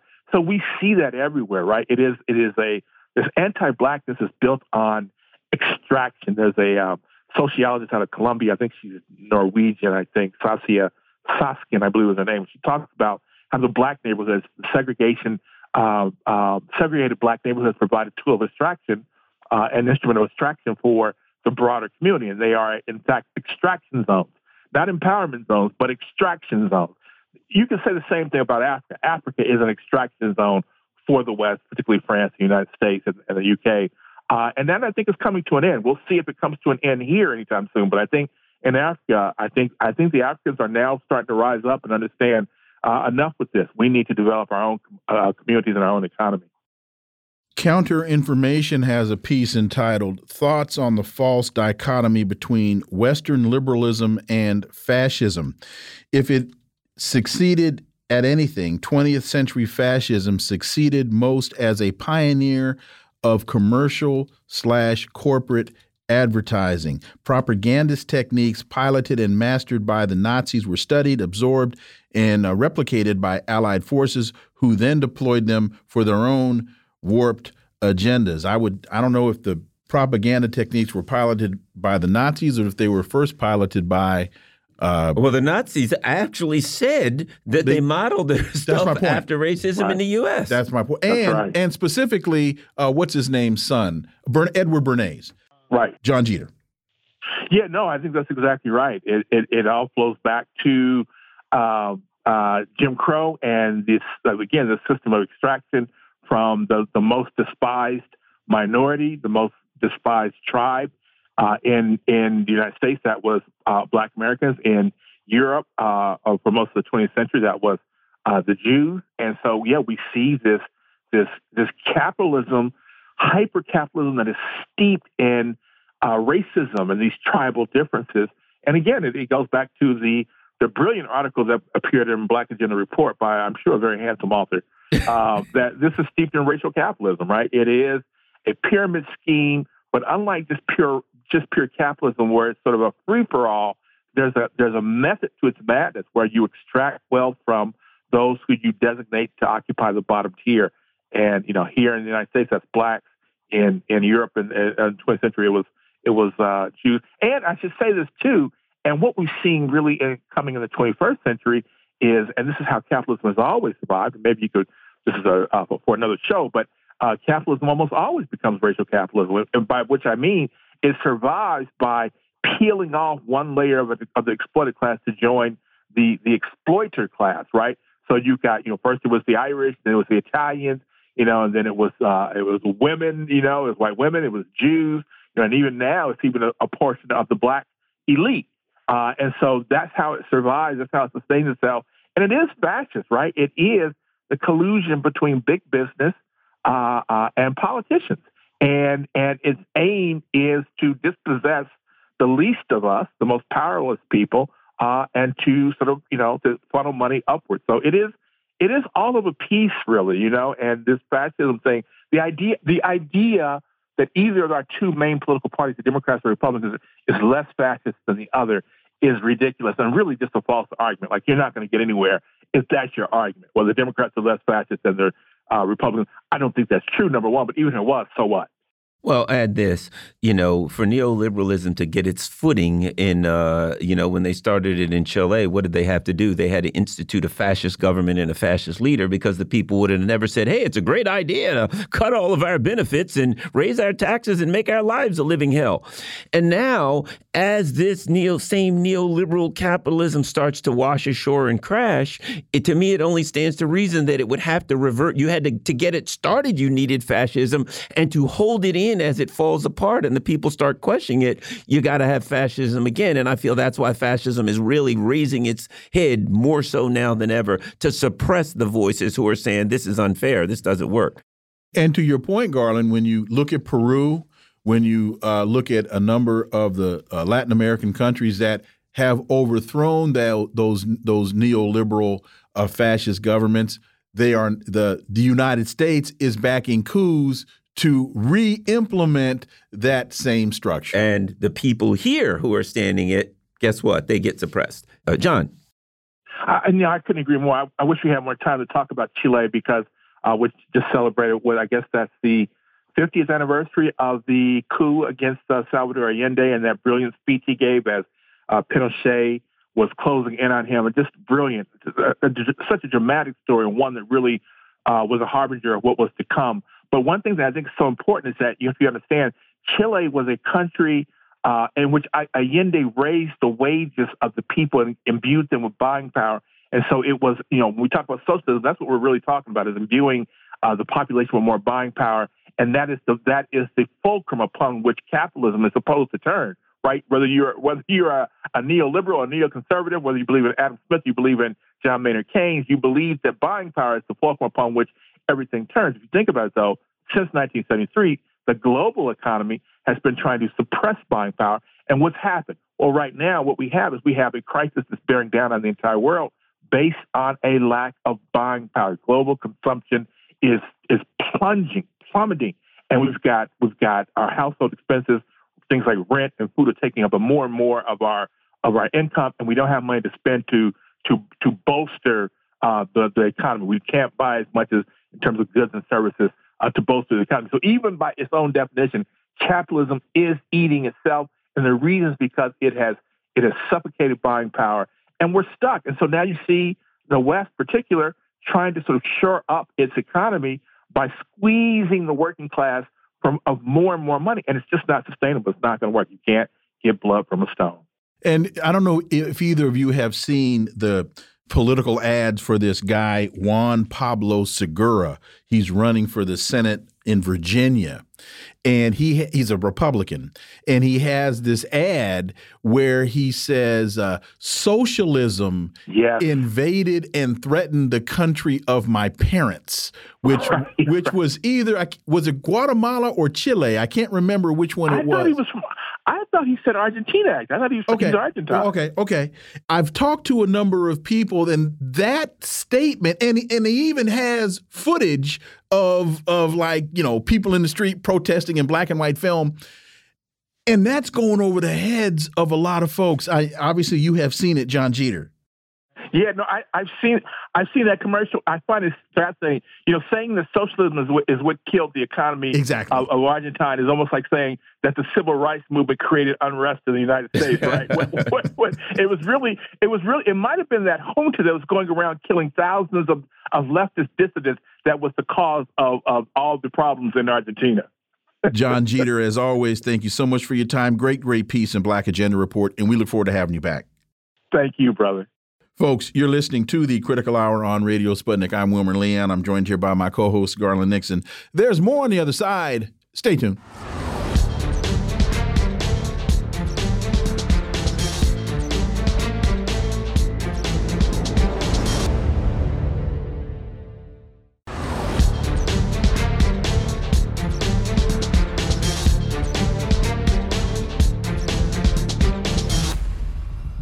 We are back, and you're listening to the Critical Hour on Radio Sputnik. I'm Wilmer Leon, joined here by my co host, Garland Nixon. Thank you, Wilmer. Al Jazeera reports Niger's junta released a French official held for five days. He was detained in Niger last week. He has been released, the French government said today. The arrest heightened tensions between France and Niger, where military officers deposed the elected president last month and ordered French officials to leave. For insight into this, we turn to our next guest. He holds the John J. and Rebecca Moores Chair of History and African American Studies at the University of Houston. Houston. He's one of the most prolific writers of our time. His latest book is entitled Revolting Capital Racism and Radicalism in Washington, D.C., 1900 to 2000. Dr. Gerald Horne, as always, welcome back. Thank you for inviting me. So, they released the French official held for five days, and the U.S. military resumes drone crewed aircraft operations in post coup Niger as the U.S. reaches agreement with Niger's military leaders to restart the drone crewed aircraft missions. Dr. Horne, this is a bit confusing. Well, I understand why you say that. As a matter of fact, uh, it leads me to formulate what might be considered a joke, which is that actually the U.S. authorities in Niamey might have conspired with the Nigerian authorities to detain this French official. That apparent joke actually reveals a larger truth, which is exposed by your second story. That is to say, the United States resuming its drone operations. As we've been stressing repeatedly on these airwaves ever since the spate of regime changes in formerly French neocolonial, neo-colonial Africa, uh, it's no secret that the United States would like to elbow aside its erstwhile French ally and assume the pole position with regard to being in the privileged place concerning relationships with these regimes. Now, I should also mention that with regard to these emerging regimes, I trust that they're paying attention to the press. Uh, for example, in a recent issue of the Financial Times of London, uh, they had a substantial piece virtually predicting where the next regime changes would come. They pointed to Cameroon in the first place, this neighbor of Nigeria, where 90 year old Paul Biya has been ruling for decades. As the piece suggested, he's been wearing out his welcome in Switzerland, where he spends most of his time. In fact, the article was accompanied by a photograph of Cameroonian citizens or nationals or exiles demonstrating in front of his luxurious Geneva estate. I interpreted that piece as a signal to the folks in Africa that the investor class, as they say on Wall Street, have priced in the cost of further regime changes in Africa. That is to say, they're anticipating these regime changes, which in many ways is a signal uh, to these folks in Cameroon, uh, not to mention Equatorial Guinea and Togo, and perhaps even the Republic of the Congo, speaking of Congo Brazzaville, uh, that there is a signal from the North Atlantic investor class that they're willing to talk Turkey if you're willing to oust these long-time, long-term autocrats that have been plundering their peoples and their countries. Uh, I trust and I take it that that is not taking place in Niger. What I mean is, I trust and I take it that they're not looking, speaking of the new regime, to simply replace French neocolonial figures with the U.S. neocolonial figures, but as those of us who consider ourselves to be activists on behalf of peoples of African descent on this side of the Atlantic, uh, we would be naive to dismiss this contention out of hand. You know, Dr. Horne, I, uh, you know, when I look at what's happening there, also France is has a problem. They're saying because Niger says, okay, your ambassador has to leave. France says, no, they're not going to leave. They say your troops has to has to leave. France says, no, they're not going to leave, and they're kind of squeezed because when I they, you look at what happened with the U.S. and AUKUS and the submarine deal, they would have to be suspicious that U.S. imperialism is up to no good. But there seems like they're trying to hold on. You know, they've got a white knuckle grip on the edge of the table, trying to hold on, and the people of Africa are trying to pull away, and the U.S. seems like they're up to no good now. Your thoughts? Well, clearly, France is in an abusive relationship with U.S. imperialism. That helps to shed light on why France made uh, a futile attempt to join the BRICS Brazil, Russia, India, China, South Africa. This helps to explain why President Macron uh, made a trip a few months ago to China with a plane load of business individuals, businessmen for the most part, uh, seeking to broker new deals uh, with the People's Republic of China, despite the fact that Washington is seeking to encircle China as represented by President Biden's recent trip to Hanoi, Vietnam, of all places, to try to lure Vietnam into this encirclement process. This also sheds light upon a remarkable speech that President Macron gave some months ago, early 2023, at the Munich Security Conference in Germany, an annual gathering. Recall that it was in 2007 at that event in particular that President Putin gave a warning to the North Atlantic countries that their so called rules based international order uh, was fraying at the seams and was certainly unsustainable. Uh, if that speech had been attended to, perhaps the North Atlantic countries would not be involved in this debacle in Ukraine. But in any case, uh, President Macron issued uh, what are called in the U.S. discourse uh, precriminations, not recriminations. In other words, he was already pointing to the debacle unfolding in Ukraine and telling his comrades in the North Atlantic bloc that yes, he went along with this, but he didn't think it was a good idea at the time. And that also represents this idea that France is becoming an unreliable ally for U.S. imperialism, which I think opens up opportunities, particularly for those in Africa who are conducting a dual struggle against both French imperialism and U.S. imperialism.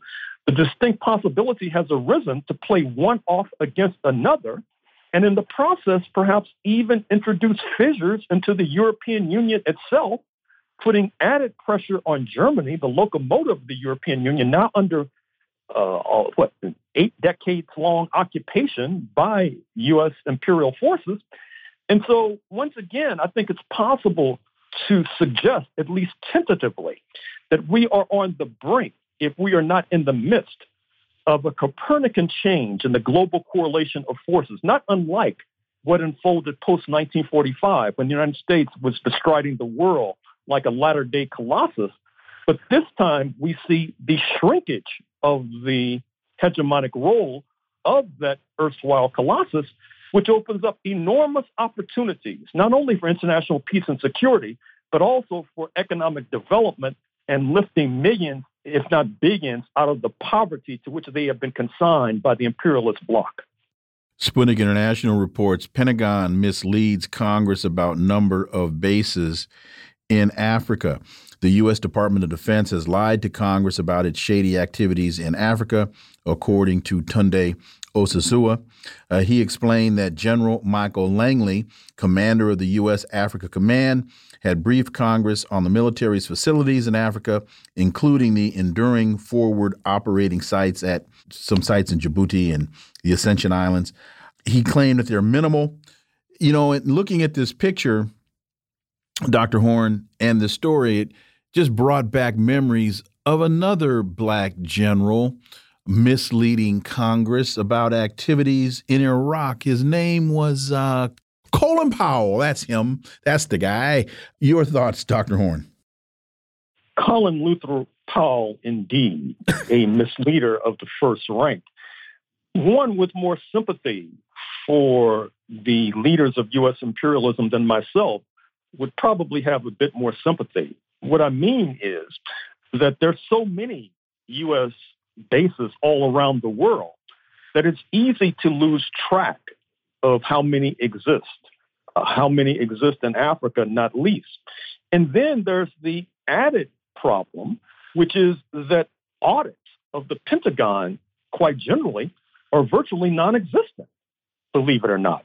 That is to say, despite the fact that many Uh, cabinet level departments have a so called inspector general whose duty is not only to ride herd on officials who turn into miscreants, but to keep track of the dollars that are being spent. But we know that with regard to these billions being poured into the Ukraine, one of the reasons why you see these State Department and Pentagon officials magically materializing with this idea that, you know what, uh, we're not really sure how many billions we poured into Ukraine. And in fact, uh, Congress's authorization has not been exhausted, so we can pour in ever more billions. That's a reflection of this lack of uh, inspector general with fundamentals of accounting principles uh, in his or her resume, but also the general lack of auditing. Of how our tax dollars are being spent. Now, we all know that if these tax dollars were going towards healthcare and education, uh, the numbers would be fly spec to a fairly well. But with regard to the Pentagon, not so much. Sanctioned Zimbabwe and Cuba vow cooperation, expanding economic ties. Just ahead of the G77 summit, uh, the ambassador to Cuba is meeting with uh, representatives from Zimbabwe. Your thoughts, Dr. Horne? Well, this is an exemplar of a global trend.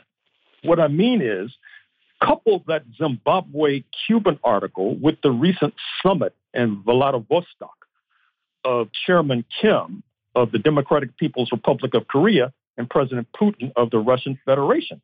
What I mean is, is that the United States, in particular, is sanctioning so many countries that they're forcing these countries into alliances. Uh, let me also reference in that context that it was just a few months ago that President Lukashenko of Belarus was in Harare, Zimbabwe. Of course, he and his country are in the ranks of the sanctioned as well, not least because of his reluctance and failure to break ties with Moscow. And that's led to a flourishing relationship between Zimbabwe and Belarus. Now, this relationship with Cuba, I dare say, uh, would have gone on even without both being sanctioned. The dual sanctions only drives them closer together because we all know that it was Cuban forces that helped to liberate that part of Africa. It was the threat, in fact, that Cuban forces would intervene militarily in Rhodesia, the predecessor state of Zimbabwe, in the late 1970s, that introduced some reason mm-hmm. into the Rhodesian authorities and forced them to the negotiating table in London that led to Zimbabwean independence in 1980. So this story that you just referenced has a certain logic to it, and we can only salute it. Dr. Gerald Horne, as always, thank you so much for your time. Greatly, greatly appreciate that analysis, and we look forward to having you back. Thank you. Folks, you're listening to the Critical Hour on Radio Sputnik. I'm Wilmer Leon. I'm joined here by my co host, Garland Nixon. There's more on the other side. Stay tuned.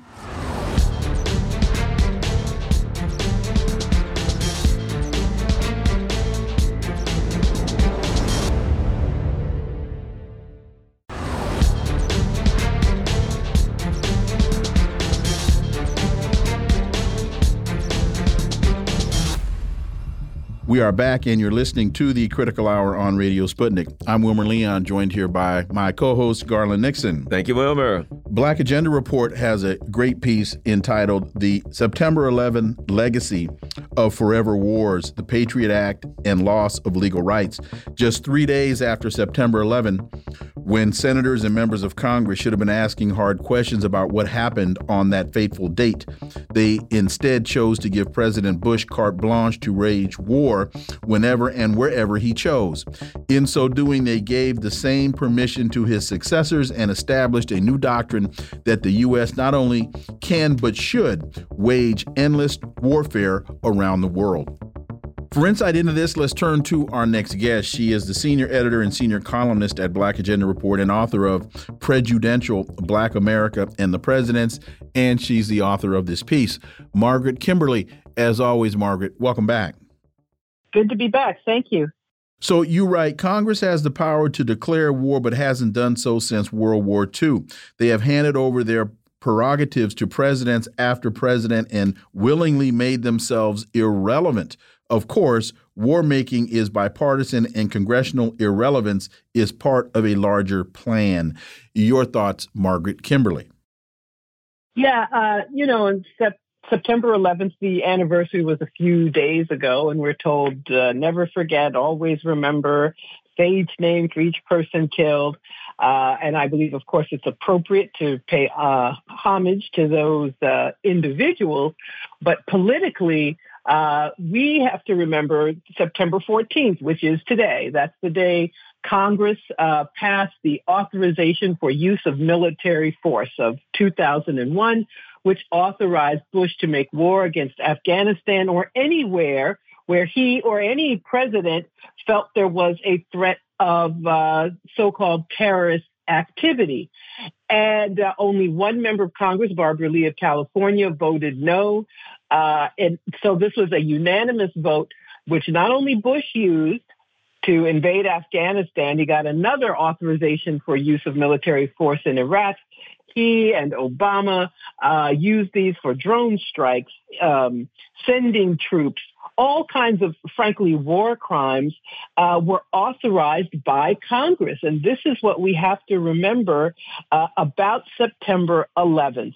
Whatever happened, whatever did, whoever knew what or did what to whom, the end result was a war uh, called a war on terror. I call it a war of terror against people around the world and against um, uh, us in this country as uh, we lost our rights. Uh, a few weeks later, they passed the Patriot Act again with uh, hardly any dissent. And uh, rules of law that had gone on for decades were suddenly thrown out the window. The government can surveil all of us uh, it's um, uh, difficult for us to even know we're being surveilled or as an individual we're being investigated. They have our phone numbers, our email address. All of these things are legal, and it all started with September 11th and presidents making war, assassinating people, and uh, doing so because Congress gave them that right. You know, Margaret, I also think, you know, there always was, you know, a certain symbiosis between the Republicans and the Democrats, but it seems to me that September 11th was also a time that where they got more closely aligned, you know, arguing that they're standing for America, that they had to stand up for this kind of militaristic nationalism or maybe militaristic globalism because it's not even really nationalism. So, what do you think about that? That that's a, you know, as we see the parties coming together for so many things and, you know, having a pillow fight every now and then against social issues, that 7-Eleven was something, I mean, 7-Eleven, 9-11 was something that, that, that helped to cement that, um, uh, uh, you know, combination of the two parties?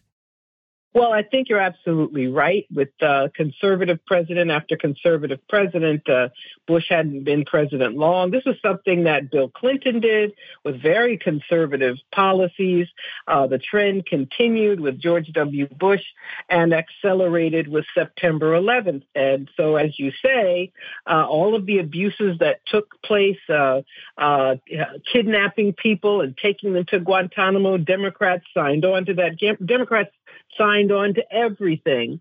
Uh, and so this uh, um, this collusion between the two parties was just cemented after that point, and not just on national security issues, but on a whole host of issues. But now there is hardly a word said. Every year they pass a NDAA, the National Defense Authorization Act. Every year the defense budget goes up.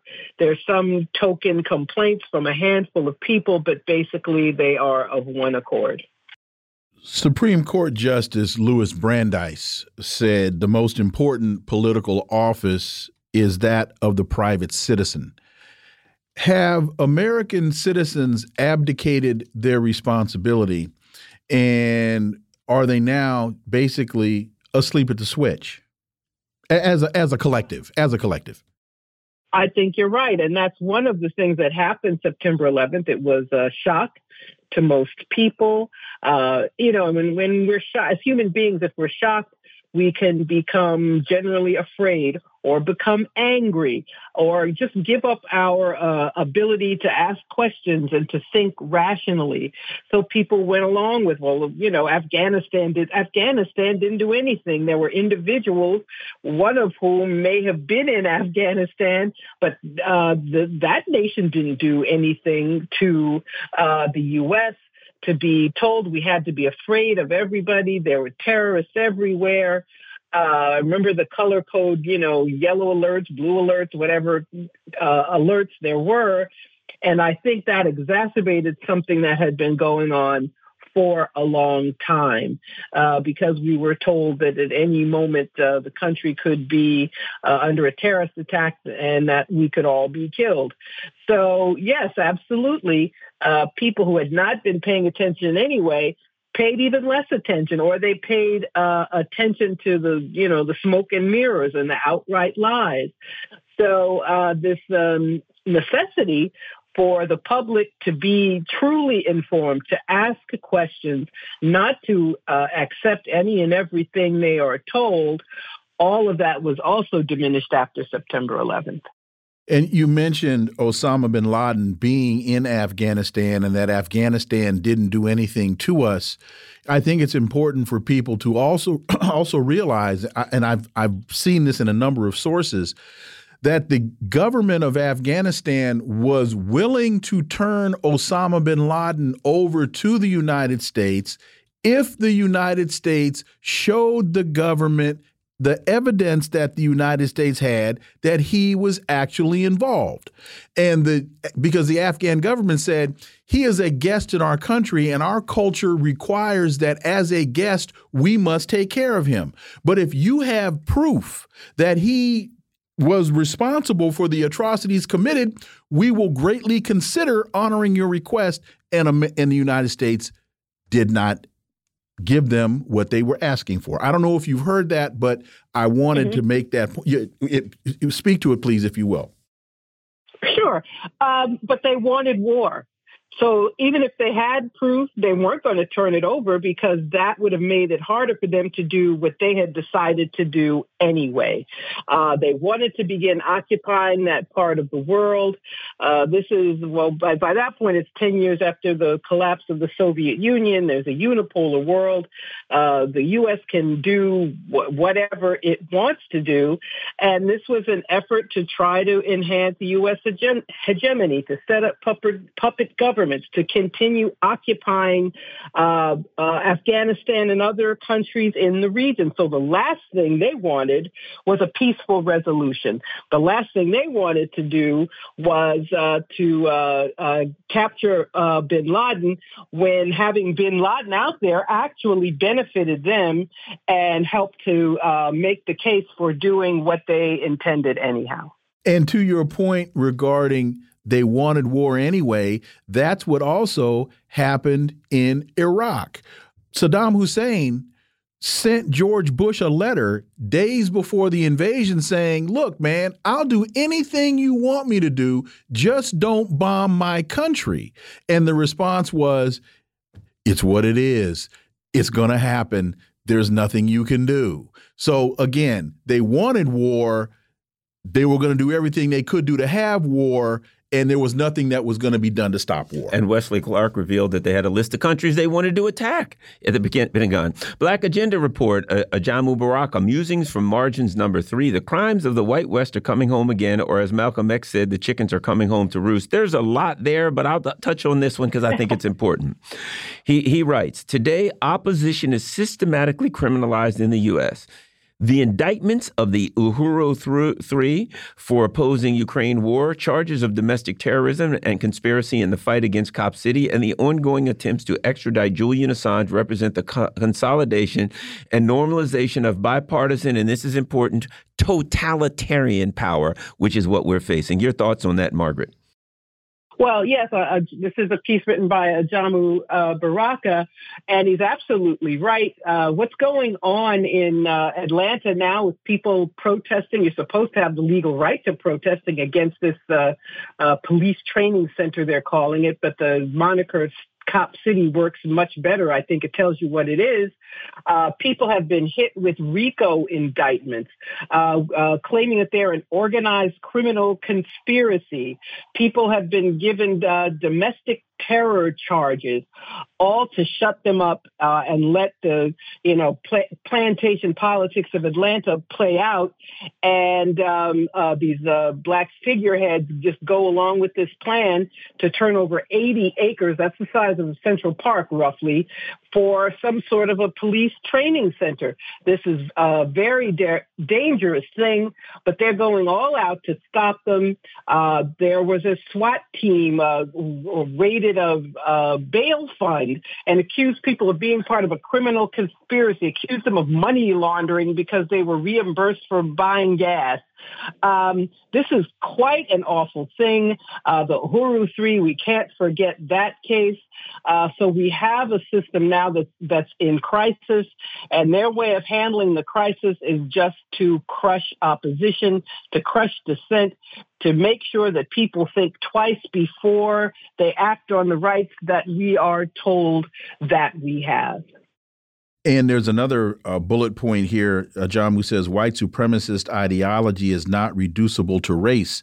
Some of the most virulent white supremacists that I have encountered have been non Europeans. And that just made me think about Clarence Thomas, about uh, uh Gregory Meeks, about uh, Hassan, what's his name, the other congressman from New York, Jeffries, Jeffries, Hakeem Jeffries, Hakeem, Hakeem Jeffries. There we go. Those are just three examples of uh, what I believe Ajamu is referring to. We got two minutes.